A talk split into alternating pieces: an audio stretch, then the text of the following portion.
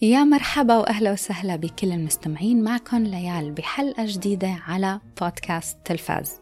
أول شيء يعني هيدا المرة كان في عندي كتير أشياء أحكي فيها فما حبيت أبدا أني نطركم أكثر من أسبوعين. للمستمعين الجداد مثل كل حلقة لازم بلش هيك برسالة موجهة للمستمعين الجداد. أول شيء شكرا أكيد لأنكم انضميتوا لهيدا البرنامج وعم تسمعوا هيدا الحلقة. أنا بعرف تماما أنه اختيار بودكاست أو اختيار حلقات بودكاست لحتى تسمعوها هو اختيار يعني فيه كتير تأني.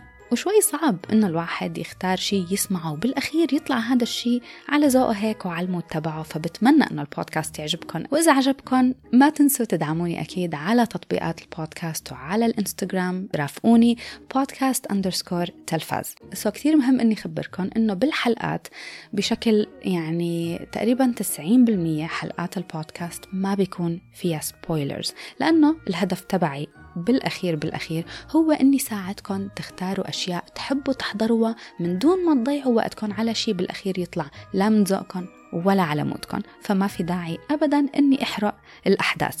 بال description تبع حلقة البودكاست دائما بكتب عن شو حكيت ففيكم تروحوا على ال description وتشوفوا المقطع وتروحوا لعنده. أكيد بحب إنكم تسمعوا الحلقة كاملة بس بالأخير ما فيني أجبركم إنكم تسمعوا كل شيء آخر شغلة أنا بالعادة بحكي كتير أمور ففي كتير مقاطع بشيلها وبحطها بآخر الحلقة فتيون إن لآخر الحلقة لتسمعوا حكي يعني هيك شوي عفوي وما خصه بالمسلسلات والأفلام. طيب ما رح طول كتير عليكم خلونا نبلش الحلقة.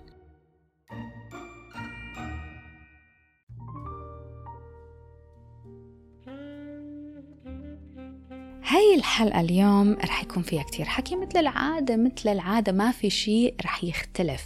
المهم هاي الحلقة فيها كتير حكي رح أحكي عن مسلسل Black Mirror وفي كتير نقاط بدي أحكي عن مسلسل Black Mirror بدي أحكي عن فيلم The Flash كمان في هيك مجموعة نقاط كتير مهمة حابة أحكي عن The Flash و Silo مسلسل Silo. بدي ارجع احكي لكم عنه لأنه بدي ارجع شدد إنه تحضروا. حضروا حلقات Silo. so, Silo وفي مسلسل جديد حضرته على OSN. بصراحة كتير عجبني ومهضوم اسمه on a True Story. فكمان رح أحكي عنه. ما رح طول كتير عليكم خلوني بلش لكم بأول مسلسل لليوم وهو Black Mirror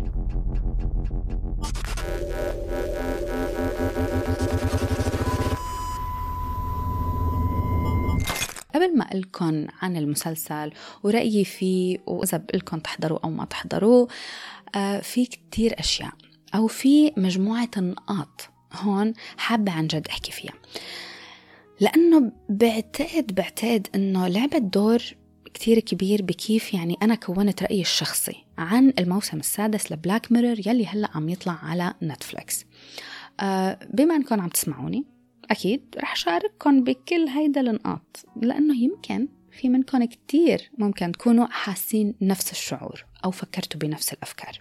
Black Mirror هو مسلسل صار في منه ست مواسم لهلأ عم تطلع الحلقات تبعه من 2011 المهم أول نقطة بدي أحكي فيها عن Black Mirror وهذا الموضوع ابدا ما بيقتصر على Black Mirror بعتقد إنه كل الناس يلي بتحضر مسلسلات هيدا نقطة يعني صايرة شوي مزعجة وصايرة تقريبا لكل المسلسلات. إنه إمتى صار كتير عادي وكتير طبيعي إنه نحن كمشاهدين نستنى مواسم مسلسلات حابينها ومنتابعها ومترقبين المواسم تبعيتها؟ نستناها سنين سنين لحتى تنزل. ليش أصلا صار هذا الموضوع طبيعي؟ يعني please فينا نحتاج نقاطع مثلا المسلسل يلي بخلينا نستناه أكثر من كم سنة؟ إنه okay هلأ فيني أقول مثلا إنه بين مثلا إذا مسلسل فيه ست مواسم تصير مرة أو مرتين okay بتفهم إنه عادي. writer strike على إنه ما كانوا عم يلاقوا قصة ومنهم عرفانين يختموه. كل هاد okay. بس هلأ صار الطبيعي والمتعارف عليه إنه نستنى وننطر. يعني بيطلع مثلا مسلسل مثل House of the Dragon طلع بال 2022 وهلأ لحتى ينعرض لآخر ال 24 بعتقد. فيعني على الوعد يا كمون مثل كمان مسلسل Severance للأسف طلع بال 2022 ولهلأ حتى ما بلشوا التصوير تبعه. وشو كمان؟ وهلأ Silo أكيد رح ينضم لهيدا القائمة. هلأ تجدد لموسم تاني فما بعتقد إنه رح يطلع على 2025 بعدين ما ننسى مسلسل مهم مثل Arcane League of Legends يعني بعتقد إنه نسيناه. طلع بال 2021 ولهلأ ما بعرف إمتى رح يطلع يمكن بال 2024 I don't know بس شو في؟ عن جد.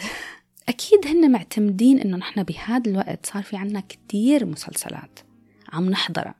فإنه نستنى من نحن فعلا بالفعل بالفعل ما كتير عم نستنى لأنه عم نحضر أشياء تانية. وأول ما ينزل المسلسل دغري بنروح بنحضره على رأس هيدا القائمة للمسلسلات يلي بنقعد بنستناها هو مسلسل بلاك ميرور أكيد رح نستناه هذا المسلسل من أول من أول ما حضرته عن جد بدي لكم إنه أثر فيه بشكل كتير كبير.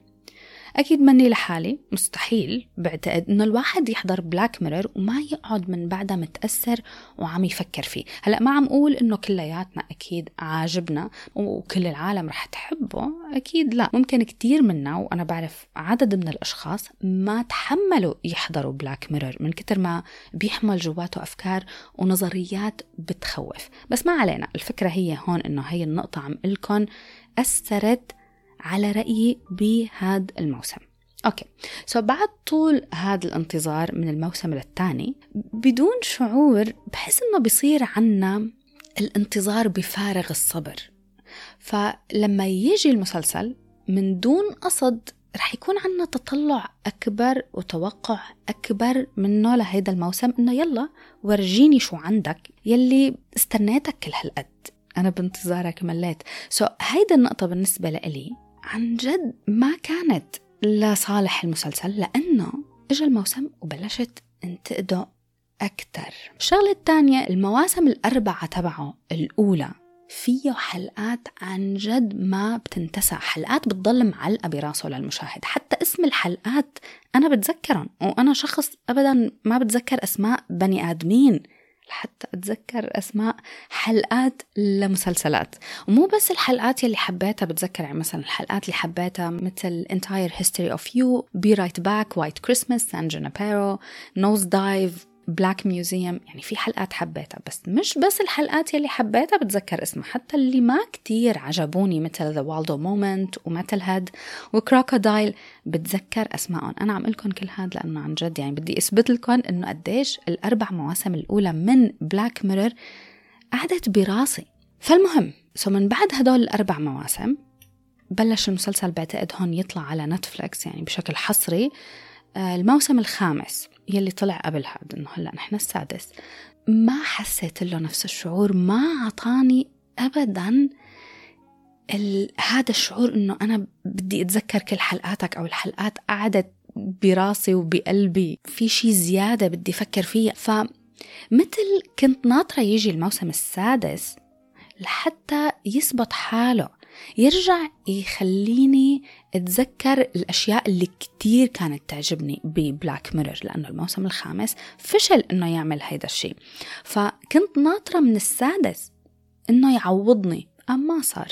يعني ليكني عن جد هلأ قدامكم إنه لو ما قاعدة عم أعمل حلقة بودكاست عن Black Mirror يمكن كنت يعني مش كل الحلقات عم أقدر أتذكر أسماء ابدا. وغير هيك هون بدي أضيف شغلة عن جد. شغلة ضايقتني وبلشت شوي تضايقني أكتر. المسلسل حسيته بآخر موسمين. بلش يعتمد على الممثلين وأسماء الممثلين وشهرتهم. Black Mirror ما كان أبدا بحاجة لممثلين معروفين لحتى تكون حلقاته قوية أو تكون حلقاته ما بتنسى.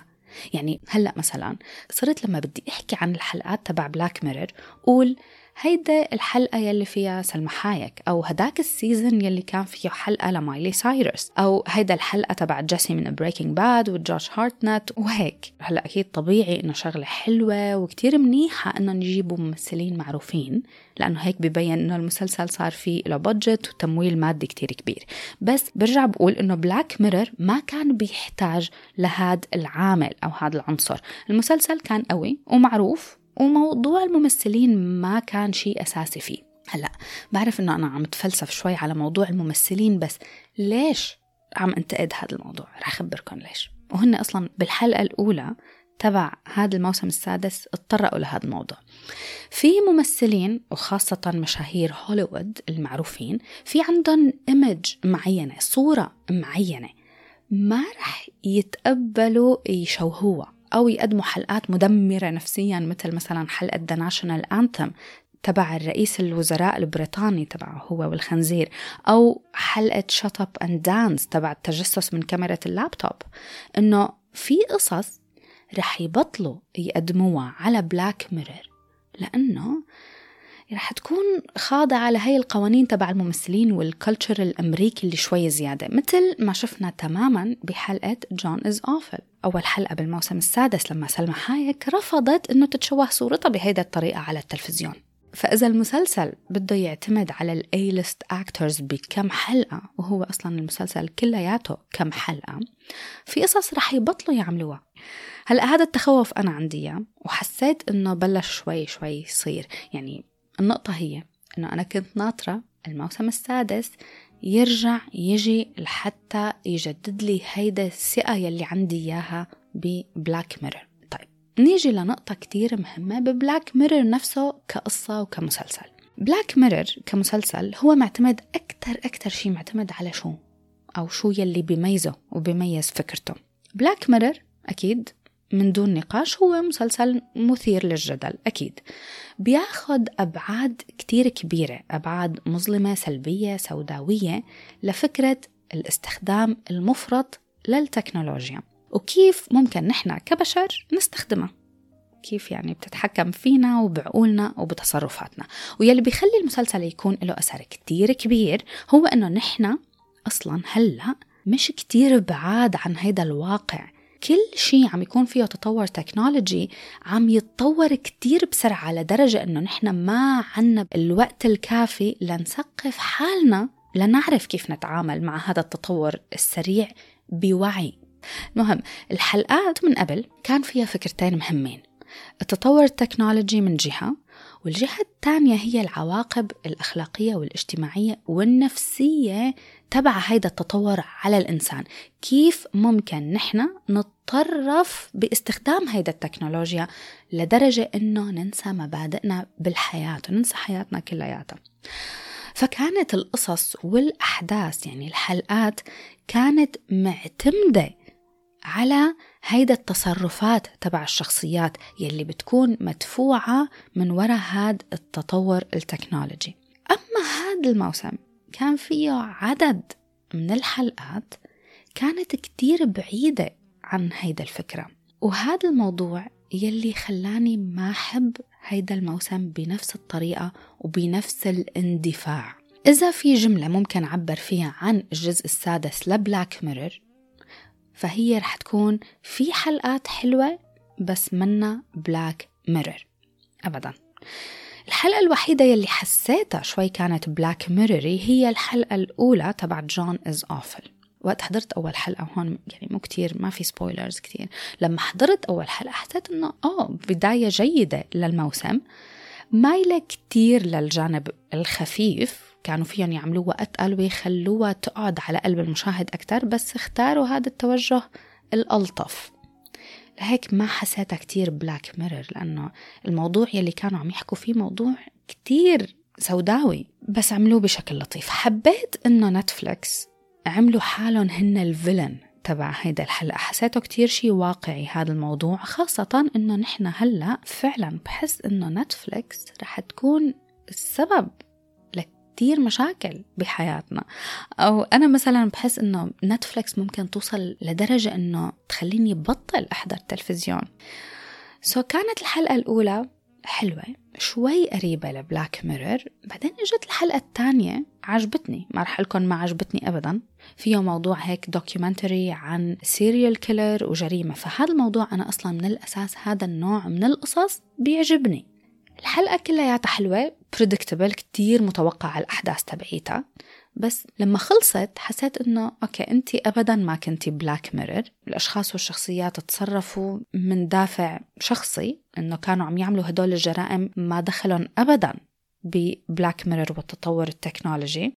وحسيت كمان إنه آه رجعنا حكينا كمان عن نتفلكس اللي مسميين حالهم بالمسلسل Streamberry فهدول الشغلتين ما عجبوني. إجت الحلقة الثالثة يلي هي تبعيت جيسي من Breaking Bad شو بدي لكم الحلقة كلياتها أول شيء الحلقة طويلة. حلوة نوعا ما. الفكرة تبعيتها فيها شيء مظلم بصراحة. بس النهاية تبعها حسيتها هي السيناريو يلي كان فيه كتير كسل بالكتابة. السيناريو بالنسبة لي كان متوقع وتوقعت إنه ما رح يعملوه من كثر ما هو متوقع. هيك أنا كان عندي. فبلشت أعمل سيناريوهات كتير تانية غير هاد يلي التزموا فيه. ما بعرف إذا كانوا عم يحاولوا يعني يوعونا على المنتل هيلث ما بعرف. بس ما نجحت النهاية ما نجحت بالنسبة لي بعدين إجت الحلقة الرابعة والحلقة الخامسة اللي هن آخر حلقتين. Oh my God ما دخلهم كأنه جايبينهم من عالم تاني من مسلسل تاني تماما. ما خصه ب Black Mirror بأي شكل من الأشكال. يعني القصة بتكون عم تصير بعدين بيقولوا لك آه هيدا هي رح نحط لك ال paparazzi والهوس تبع ال paparazzi إنهم يلاقوا لهم كم صورة ليبيعوها للجرايد والمجلات. بس طب ما القصة ما دخلها ب Black Mirror شو دخل هون اللي صار؟ إذا حضرتوها فأكيد أنتم فهمانين أنا عن شو عم أحكي. It was so funny كمان إنه استخدموا الموسيقى تبع Twilight المهم إجت الحلقة الخامسة يلي هيدا ما خصها كمان. هون أنا خلص صرت على موبايلي وصرت عم أعمل كتير أشياء تانية وما عم أحضر بس بدي خلصه لأنه لازم خلصه. ما اقتنعت. ما اقتنعت. يمكن نكون شوي قاسية بالحكم عليه للمسلسل من وراء كل هيدا النقاط يلي قلت لكم إياها بس ما حسيته بلاك ميرور هلا أكيد ما عم أقول ما تحضروا أكيد لا. بتحبوا بلاك ميرور وعندكم تعلق فيه لهيدا المسلسل؟ لازم تحضروا الحلقات الجديدة. وبحس من بعد ما تحضروا هيدا الحلقات بحس إنه رح تقدروا من بعدها تقرروا شو مصير متابعتكم لهيدا المسلسل. طبعا الشيء المهم هون إنه الحلقات كتير غير عن بعض كل حلقة ما دخل بالتانية at all. فيعني رح تشوفوا قصص متنوعة.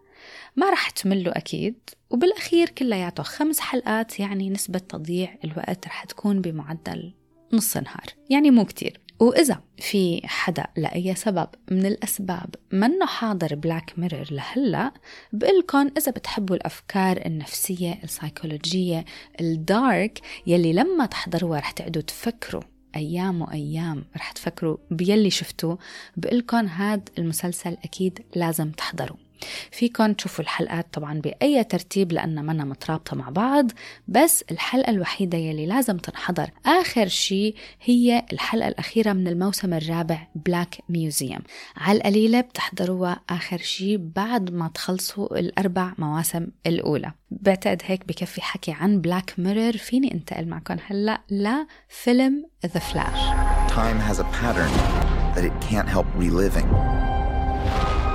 Different people, different worlds, drawn to each other like magnets. The Flash مثل ما بنعرف شخصية من ال superheroes تبع دي سي. آه، برافق الفيلم باري آلن يلي عنده هيدا القدرات الرهيبة تبع السرعة الخارقة. وبهذا الفيلم بيكتشف إنه بيقدر يتنقل عبر الزمن فبيحاول يرجع للماضي لحتى ينقذ حياة أمه من الموت. وطبعا مثل ما كلنا بنعرف أنه تغيير الماضي بيجي معه مصايب بالحاضر والمستقبل. سو هيك الفيلم بيتمحور حول هيدا الفكرة. الفيلم بيناسب المشاهدين فوق ال 13 مدته ساعتين و45 دقيقة. بس بصراحة عم لكم هون إنه أنا هلأ شفت هيدا المعلومة تبع الساعتين وخمسة وأربعين دقيقة وما صدقت لأنه شخصيا ما حسيت إنه الفيلم بهذا الطول. كنت رح قلكم ساعتين. المهم قبل ما فوت بتفاصيل شو رأيي فيه للفيلم خليني بس أول شي خبركم عن جد أنا شو موقفي أصلا من أفلام ال superheroes وكم نقطة هيك؟ بحس لازم قلكم إياها بنظري لعبوا دور مش كتير لصالح فيلم The Flash أول شي أفلام ال superheroes إن كانوا مارفل أو دي سي أنا بحضرهم لأني بحب أحضر أفلام وبفكر فيهم يعني كأنه عامل تسلية أو بفكر فيهم كأي فيلم action adventure drama. بحب لما الفيلم يكون فيه قصة حلوة ومشوقة ومحبوكة ومسلية أكيد. يكون كمان في عناصر درامية مؤثرة شوي إلى جوانب تانية مش بس محصورة بقالب ال superheroes يلي بس هيك action يي action يي على الفاضي. so هيدا شغلة. الشغلة الثانية إنه كمان شخصيا آخر شي بفكر فيه وآخر شي بتطلع عليه أو حتى يعني آخر شي بيعني لي أنا وعم أحضر فيلم هو قوة التصوير والمؤثرات البصرية. مش أبدا أبدا أكيد. يعني ما عم أقول إنه الفيلم عادي يكون سيء جدا للنظر وال CGI يكون كتير cheap أكيد لا. بس إمتى ما بيعني لي هذا العنصر؟ ما بيعني لي خاصة إذا الفيلم كان عم يعطيني كل شيء قلت لكم عنه قبل شوي. حبكة قصة وتسلية وتشويق وترقب وكل هيدا الأشياء. فبهيدا الحالة موضوع ال CGI عن جد ما بفكر فيه وما بدقق عليه. وهذا الموضوع ذوق شخصي. فما رح أحكم على فيلم The Flash بأسوأ بس لأنه المؤثرات البصرية يلي فيه كان يعني فيها تفاوت واضح. في مشاهد المؤثرات البصرية كانت حلوة وأماكن تانية كانت ضعيفة. وبصراحة رح لكم كمان شغلة إنه في أشخاص اوريدي نبهوني على الإنستغرام من موضوع هيدا الضعف. فأنا كنت فايتة ومتوقعة هيدا الشيء. هلا لأنه أنا في مشاهد كانت ناجحة بصريا ومشاهد تانية ما كتير صدقت كلام المخرج مخرج الفيلم لما صرح وقال إنه هن تعمدوا آه إنهم يعملوا الصورة بهذا الشكل لأنه على أساس نحن عم نشوف هذا العالم من وجهة نظر The Flash هيك بطيء والحركة واقفة وشوي cartoonish so صدقت هذا الكلام لأنه في مشاهد عن جد كانت متقنة فما في تفسير تاني إنه ليه في مشاهد تانية منا متقنة. المهم ننتقل للنقاط مثل بلاك ميرور في نقاط حسيت ما كانت لصالح بلاك ميرور وهون في نقاط منا لصالح The Flash كفيلم. عم قول منا لصالح The Flash لأنه الفيلم ما حقق الإيرادات المتوقعة بال box office بأول weekend لإله بأمريكا. ولهلأ يعني ما عم يحقق هيدا الإيرادات يلي هن كانوا متوقعينها. فبعتقد إنه بأول weekend عمل 55 مليون آه، بأمريكا وكانوا متوقعين 75 مليون. بالوقت يلي إذا بدنا نحكي يعني مقارنة بالتكلفة تبعه آه، كانت 200 مليون هيدا بس للإنتاج وبعتقد في 100 مليون تانية لل marketing والتسويق. طيب عندي كم نظرية هون إنه ليش The Flash ما يعني جاب كل هالقد مشاهدة؟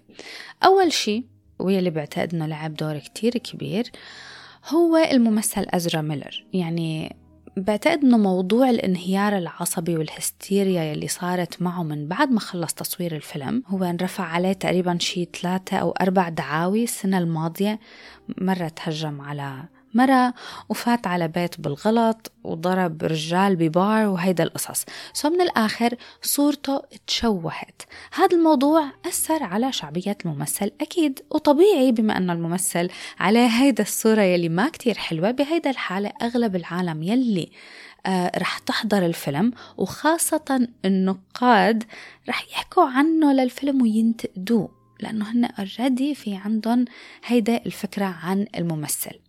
يعني رح يكونوا قاسيين بالنقد. هيدا إذا راحوا حضروا من الأساس. طبعا هذا التفكير عم أحكي عنه اللي هو أكثر عند الأجانب. ما بعرف إذا نحن هون آه، ما عم نحضر ذا فلاش لأنه الممثل عنده هيدا القصة. ما بعرف. أنا بحاول ما أتأثر بهيدا المواضيع بالأخير يعني بحضر الفيلم كفيلم.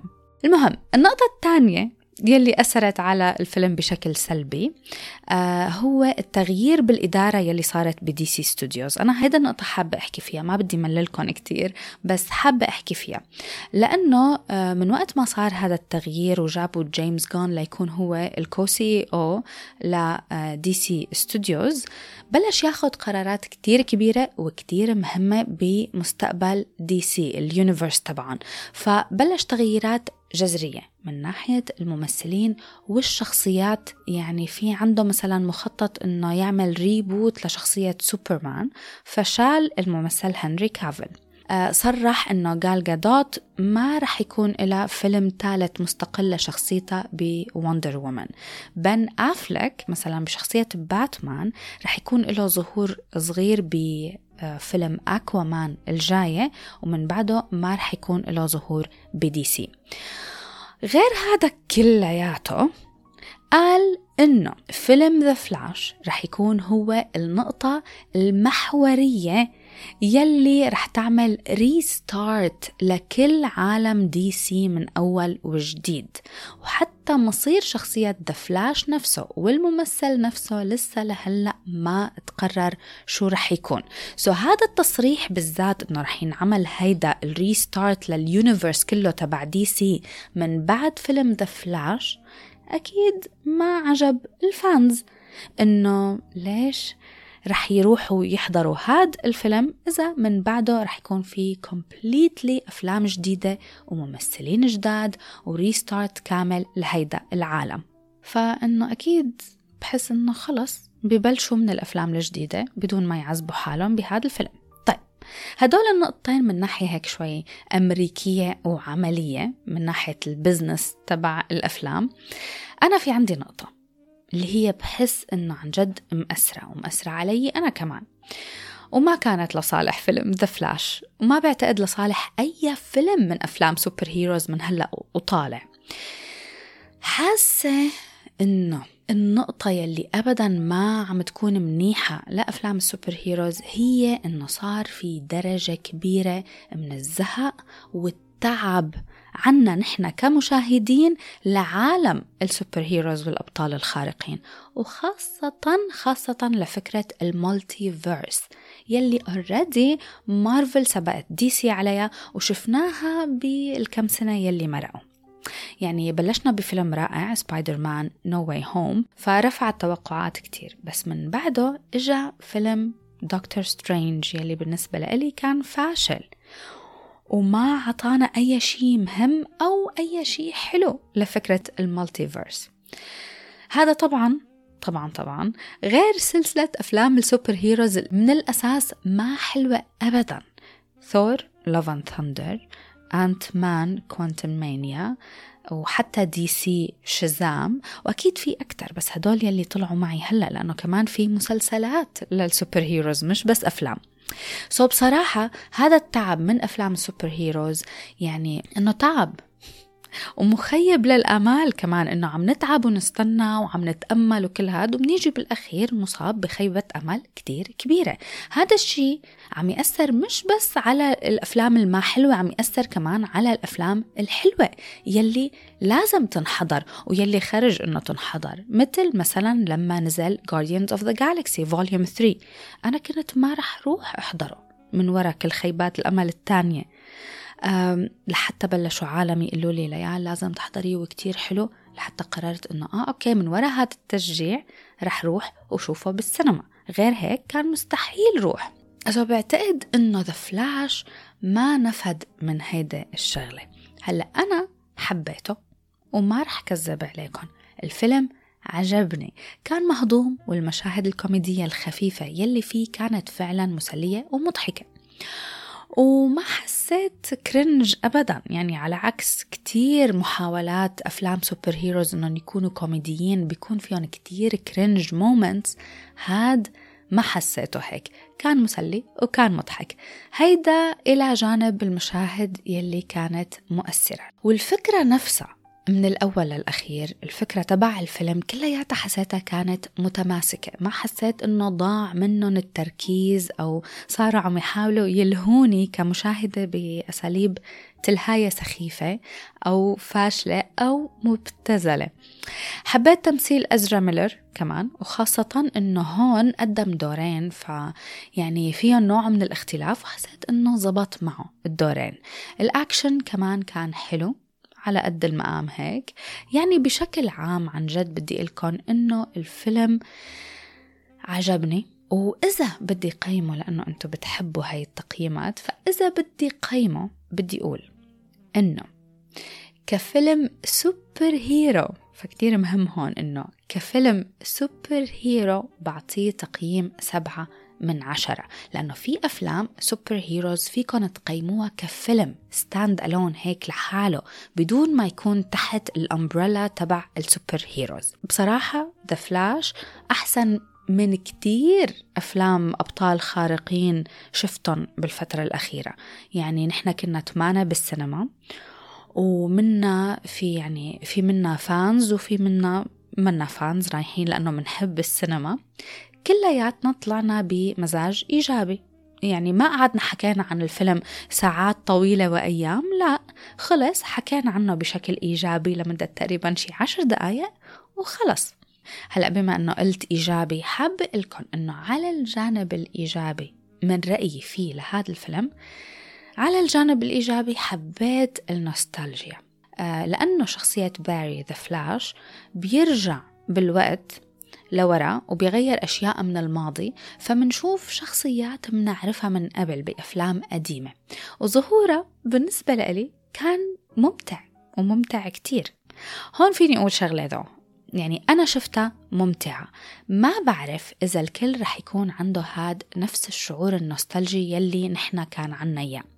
لأنه يعني إذا بدنا نقارن مثلا بفيلم superhero عمل موضوع النوستالجيا فممكن نحكي عن فيلم Spider-Man No Way Home يلي النوستالجيا تبعه كانت يعني بترجع لسنة الألفين. يعني كل الممثلين تبع سبايدر مان يلي جابوهم بهذا الفيلم من الألفين وطالع. يعني جيل منه كتير قديم. هون بفيلم The Flash النوستالجيا بترجع لأفلام قديمة من الثمانينات والتسعينات وفي من قبل قبل من هيك كمان.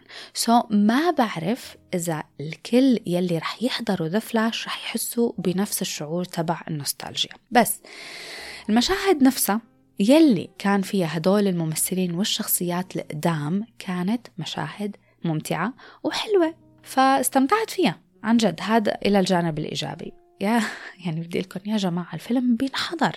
بعرف إنه فيه هذا الضعف تبع ال CGI وبصراحة بحس إنه إذا الواحد ممكن يقول إنه طيب خلص هدول ال visual effects هيك وبتتقبلوا الموضوع وتتغاضوا عن موضوع هذا الضعف فيكن عن جد تتسلوا وتستمتعوا بيلي عم تشوفوا إنه صدقوني صدقوني انتو هلأ يلي عم تسمعوني ممكن عن جد بكل ثقة قل لكم إنه روحوا احضروا The Flash لأنه بأكد لكم إنه حضرتوا كتير أشياء superheroes أسوأ وأضعف من هاد الفيلم.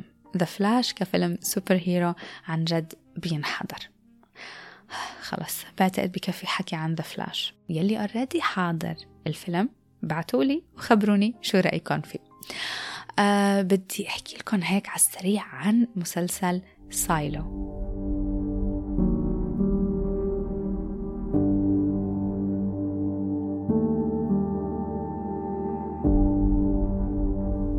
بعرف إنه أنا حاكي عن Silo من قبل بس بدي أعترف لكم اعتراف. آه Silo على Apple TV Plus حسيته فقد القوة يلي بلش فيها بأول ثلاث حلقات.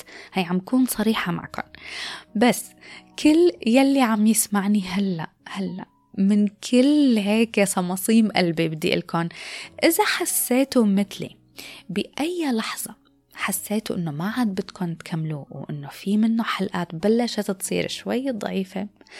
please please كملوه please الحلقة الأخيرة الطريقة يلي بتخلص فيها خلتني أقعد وفكر وحلل وأطلع بنظريات. أنا كل شيء أصلا بخليني شغل مخي بحبه. okay النهاية شوي cliffhanger أكيد بس بيتجاوب عن السؤال يلي عم نسأله لحالنا من أول الموسم. بيجاوب عن هذا السؤال بس بينفتح طريق لمليون ألف سؤال تاني. المسلسل بيستاهل إنكم تحضروه. please احضروه لكل يلي بيحبوا ال sci-fi أفكار نهاية العالم.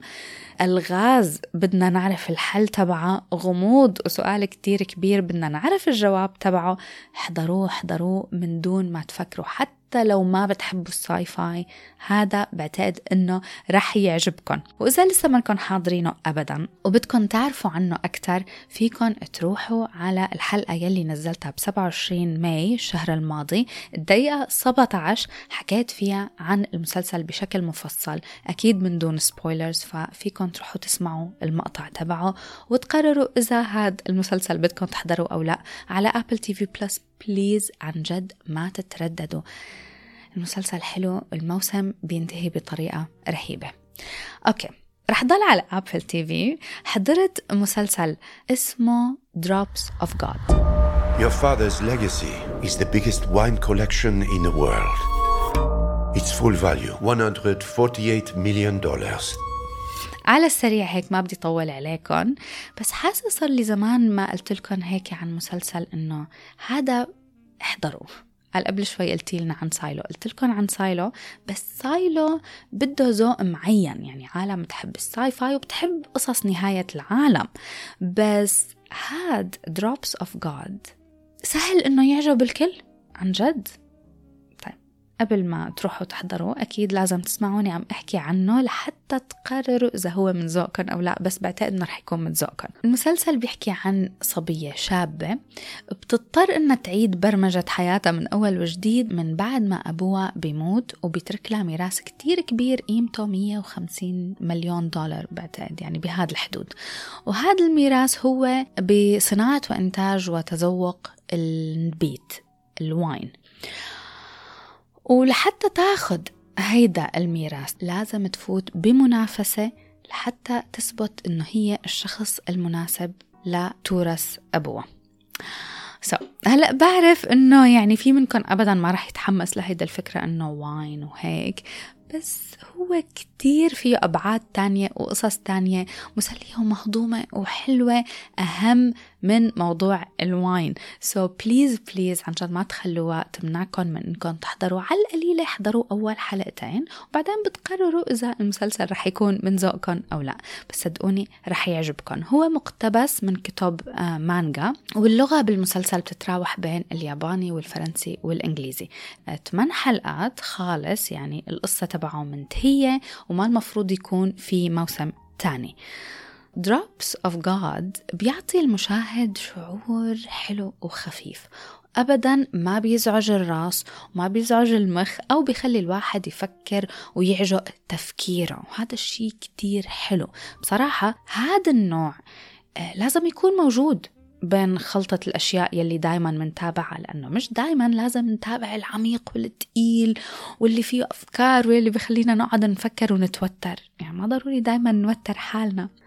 الشغلة يلي عجبتني أكتر شي فيه لهذا المسلسل إنه كيف حكولنا القصة تبع الأحداث يعني كيف حكوا لنا إياها خلال الحلقات. فيلي شفته أنا بالحلقة الأولى ضل يتغير ويتغير مع تقدم الأحداث والمواقف.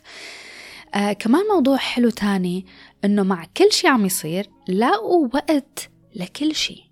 علاقات صداقة علاقات حب مشاكل عائلية تنافس كوميديا جدية شوية فانتازيا وشوية دراما. يعني فيه خلطة كتير حلوة من كل شي.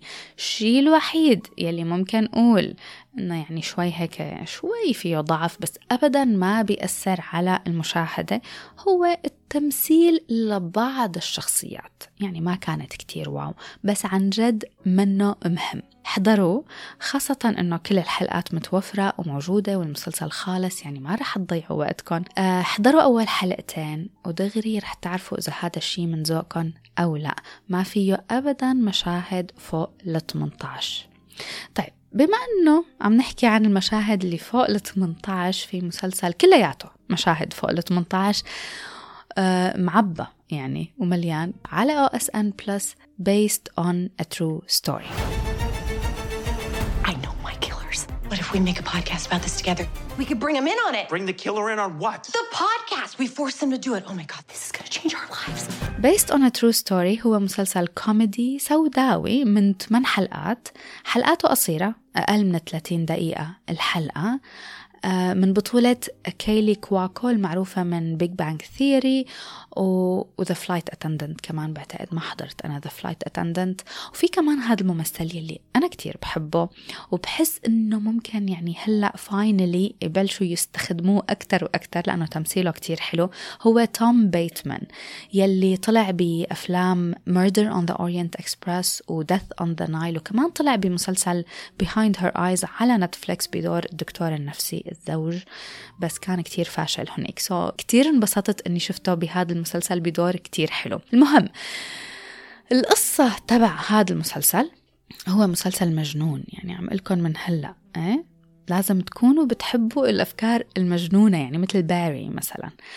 آه برافق اتنين متجوزين حياتهم شوي كتير مملة ما فيها أي شيء جديد. بيكتشفوا بالصدفة هوية قاتل serial killer بالمنطقة عندهم وبدل ما يسلموه للشرطة بيقرروا إنه يعملوا معه بودكاست لحتى يصيروا يعني مشهورين ويصير عندهم مصاري كتير. يعملوا بودكاست معه هو يحكي للناس عن الجرايم تبعه يعني مقابلة هيك مع serial killer حقيقي. ممتع مسلي. طبعا يعني ما بيتاخد على محمل الجد أبدا لأنه واضح أنه فكرته ما دخل كتير بالواقع يعني عمل ساخر وبس. فيه مشاهد دموية مشاهد حميمية بصراحة بتطلع هيك فجأة قدام الواحد فانتبهوا أنتوا عم تحضروا تهيئوا نفسيا. لما تكونوا عم تحضروا مشهد عادي فجأة بيطلع لكم شي فيه مشاهد غريبة. so, ما رح لكم إنه الكوميديا تبعه يعني رح تقعدوا تضحكوا وكل نكتة رح تعجبكم أكيد لا بس أنا شخصيا كنت عم أحضره لحتى أشوف شو مصير هيدا الثنائي الممل وشو مصير هيدا البودكاست. وطبعا أهم شيء شو مصير ال serial killer. الديناميكية بين الشخصيات والممثلين كانت كتير حلوة والحلو كمان إنه مع كل حلقة بتجي بينضاف تعقيد أكتر وأكتر للأحداث لحتى آخر شيء تصيروا تقولوا كيف رح ينتهي هذا المسلسل؟ يعني ما في مهرب. الشيء الوحيد يلي ممكن أقول إنه ضايقني هو النهاية تبعه معتمدة على وجود موسم تاني. بينتهي كأنه حلقة انتهت مش كأنه موسم انتهى يعني مش season finale بس بالأخير استمتعت باللي شفته مشوق ومجنون ومسلي وفكرته مختلفة وكمان ما بدها تفكير ولا انتقاد وما بيتاخد على محمل الجد. بينحضر كتير بسرعة بسهولة يعني لمحبي الكوميديا السوداوية وال crime comedy بنصحكم إنه تحضروا أكيد. خلص هيك أكيد وصلت لآخر الحلقة. الحياة عم تتطور كتير أسرع من الوعي تبعنا ومن التثقيف تبعنا عن جد. الوعي على مخاطر هذا التطور وكيف الحياة ماشية ولوين متوجهة. يعني ما عنا هيدا الأويرنس من وين بدنا نجيبها وخاصة بهذا الوقت يلي كل شي منعرفه وكل شي عم نشوفه هو من تطبيقات ال social media إن كان إنستغرام تيك توك أو فيسبوك حتى لينكد إن صار social media فلأنه هذا هو المصدر التثقيف تبعنا وتقريبا المصدر الوحيد يلي عم نثقف حالنا فيه فهو رح يضل يعطينا أكثر وأكثر من نفس النوع يلي نحن عم نشوفه لأنه ال algorithm الخوارزميات تبع ال social media هيك بتشوف شغلة بتعمل search على شغلة محددة فبتصير كل شيء بتشوفه على هاي المنصات هو هذا الشيء اللي انت عملت search عنه.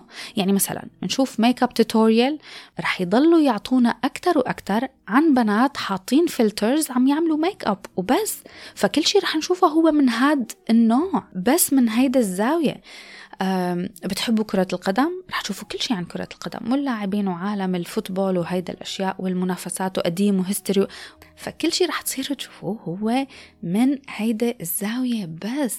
فهذا نفسه عن جد عن جد بحد ذاته مشكلة لأنه الشخص صار لا شعوريا عن جد هو لا شعوريا منفكر إنه الحياة كلياتها هو هذا الموضوع يلي شايفينه بس. لأنه مفكرين إنه كل العالم عم يشوفوا نفس الموضوع يلي عم يضل يطلع لنا أو عندهم نفس الاهتمام يلي نحن مهتمين فيه. وحتى ما بيكون اهتمامنا على طول بتكون اهتمام لحظي. مرة مثلا أنا كنت مهتمة لأعرف كيف بدي أحط ميك أب ضليت أسبوعين بس عم شوف بنات عم يحطوا ميك أب طب عطوني أي شيء تاني. المهم هذا الموضوع خطير. يعني أنا هلأ مثلا بقابل بنات بالعشرينات بأول العشرينات كلياتهم عندهم تقريبا نفس الشكل نفس ال style بيحكوا بنفس لغة ال memes. هي الطريقة الساخرة الباردة يلي ما إلها معنى يلي كمان فيها شوية تعالي. أنا ما بفهم عليهم بس اكتشفت إنه هن بيفهموا على بعض. مفكرين إنه هن بيعرفوا كل شيء والأشخاص التانيين يلي حواليهم يلي ما بيحكوا بنفس الطريقة ما بيعرفوا شيء الشخص التاني اللي هو منه كتير شخص تاني بس هو مجرد بيكون واحد من غير target audience تبع خوارزمية ال social media يعني ال social media مستهدفتهم بشي تاني. هيك هلا صار التفريق بين الناس. وحدة مثلا رح تصير أم كل شي بتصير بتشوفه عن الأمومة والأولاد والولادة والتجهيزات والمنتجات والأجهزة يلي ممكن تستخدمها والتحضيرات للأمومة. ما عاد رح تقدر أصلا هيدا الإنسان تلاقي أي مواضيع تانية تحكي فيها بحياتها أو تحكي فيها مع أشخاص تانيين منن بنفس ال target audience واحد عم يعاني من مشاكل نفسية mental health. بصير كل شيء بشوفه بصير عن ال mental health والدكاترة النفسانيين وناس تانيين عم بيعانوا نفس المعاناة. فبصير بفكر إنه كل العالم تقريبا عم تعاني من نفس المعاناة يلي أصلا ممكن يخليه يغوص أكتر وأكتر بهاد الجو وهي الكآبة وما عاد يقدر ينخلط مع أي عالم تانية منا بنفس المعاناة. لأنه بنظره أنه ليكو. ليكو أنا كل شي بشوفه على موبايلي عن هاي المعاناة. أنتوا ليش عايشين حياة طبيعية؟ أنتوا منكم طبيعيين؟ هذا الطبيعي. بصير منفكر أنه يلي عم تشوفه بالموبايل أو ال screens هو الطبيعي. طبعا ايمتى بيتغير بيتغير لما الشخص يقرر إنه يغير ال search word يغير الكلمة يلي بيعملها search على موبايله. أول ما يغير عن شو عم يدور يعني عملية البحث تبعه بيقوم ببلش ال algorithm يعطيه مواضيع تانية. كلنا نحن يلي مصدرنا التثقيفي الأكبر طبعا هو الموبايل وال screens بدي طمنكم يعني طمنكم وطمن حالي إنه ما حدا فينا authentic ما حدا فينا قد ما تفكروا إنه إحنا أشخاص عنا أفكار أصلية ونحن متفردين بأفكارنا لا. ما حدا فينا عنده هوية فريدة من نوعها أو أفكار مختلفة عن التانيين كلياتنا بطريقة أو بأخرى. عم نكون مجرد مجموعات مستهدفة من الالجوريثم مواقع التواصل الاجتماعي وخدمات المشاهدة حسب الطلب. بس من الآخر كل اللي بدي أقوله أنه وعي لازم يكون في وعي ولازم يكون في تثقيف. كنت عم حضر لهيدا الحلقة. وقلت جملة على الوعد يا كمون. فما قدرت ما أعمل search على جوجل لحتى أشوف من وين إجت هيدي الجملة أو هذا المثل على الوعد يا كمون. so, اكتشفت من وين القصة هيك مسلية فحبيت أني شارككم إياها. so, القصة بتقول يا سادة يا كرام إنه الكمون هو واحد من النباتات يلي أبدا ما بيحتاج إنه ينسقى كتير. ما بده مي كتير ويعني مش مثل باقي المحاصيل الزراعية التانية ما بده عناية. ف المزارعين مثل يعني كل الطبيعة البشرية تبعيتنا إنه نحن لما نعرف من جواتنا إنه في شيء اوريدي رح يعطينا يلي نحن بدنا إياه فما في داعي أبدا إنه نهتم فيه زيادة وحتى ممكن ننساه. فالمزارعين هون نسيوا الكمون تماما وبطلوا يهتموا فيه.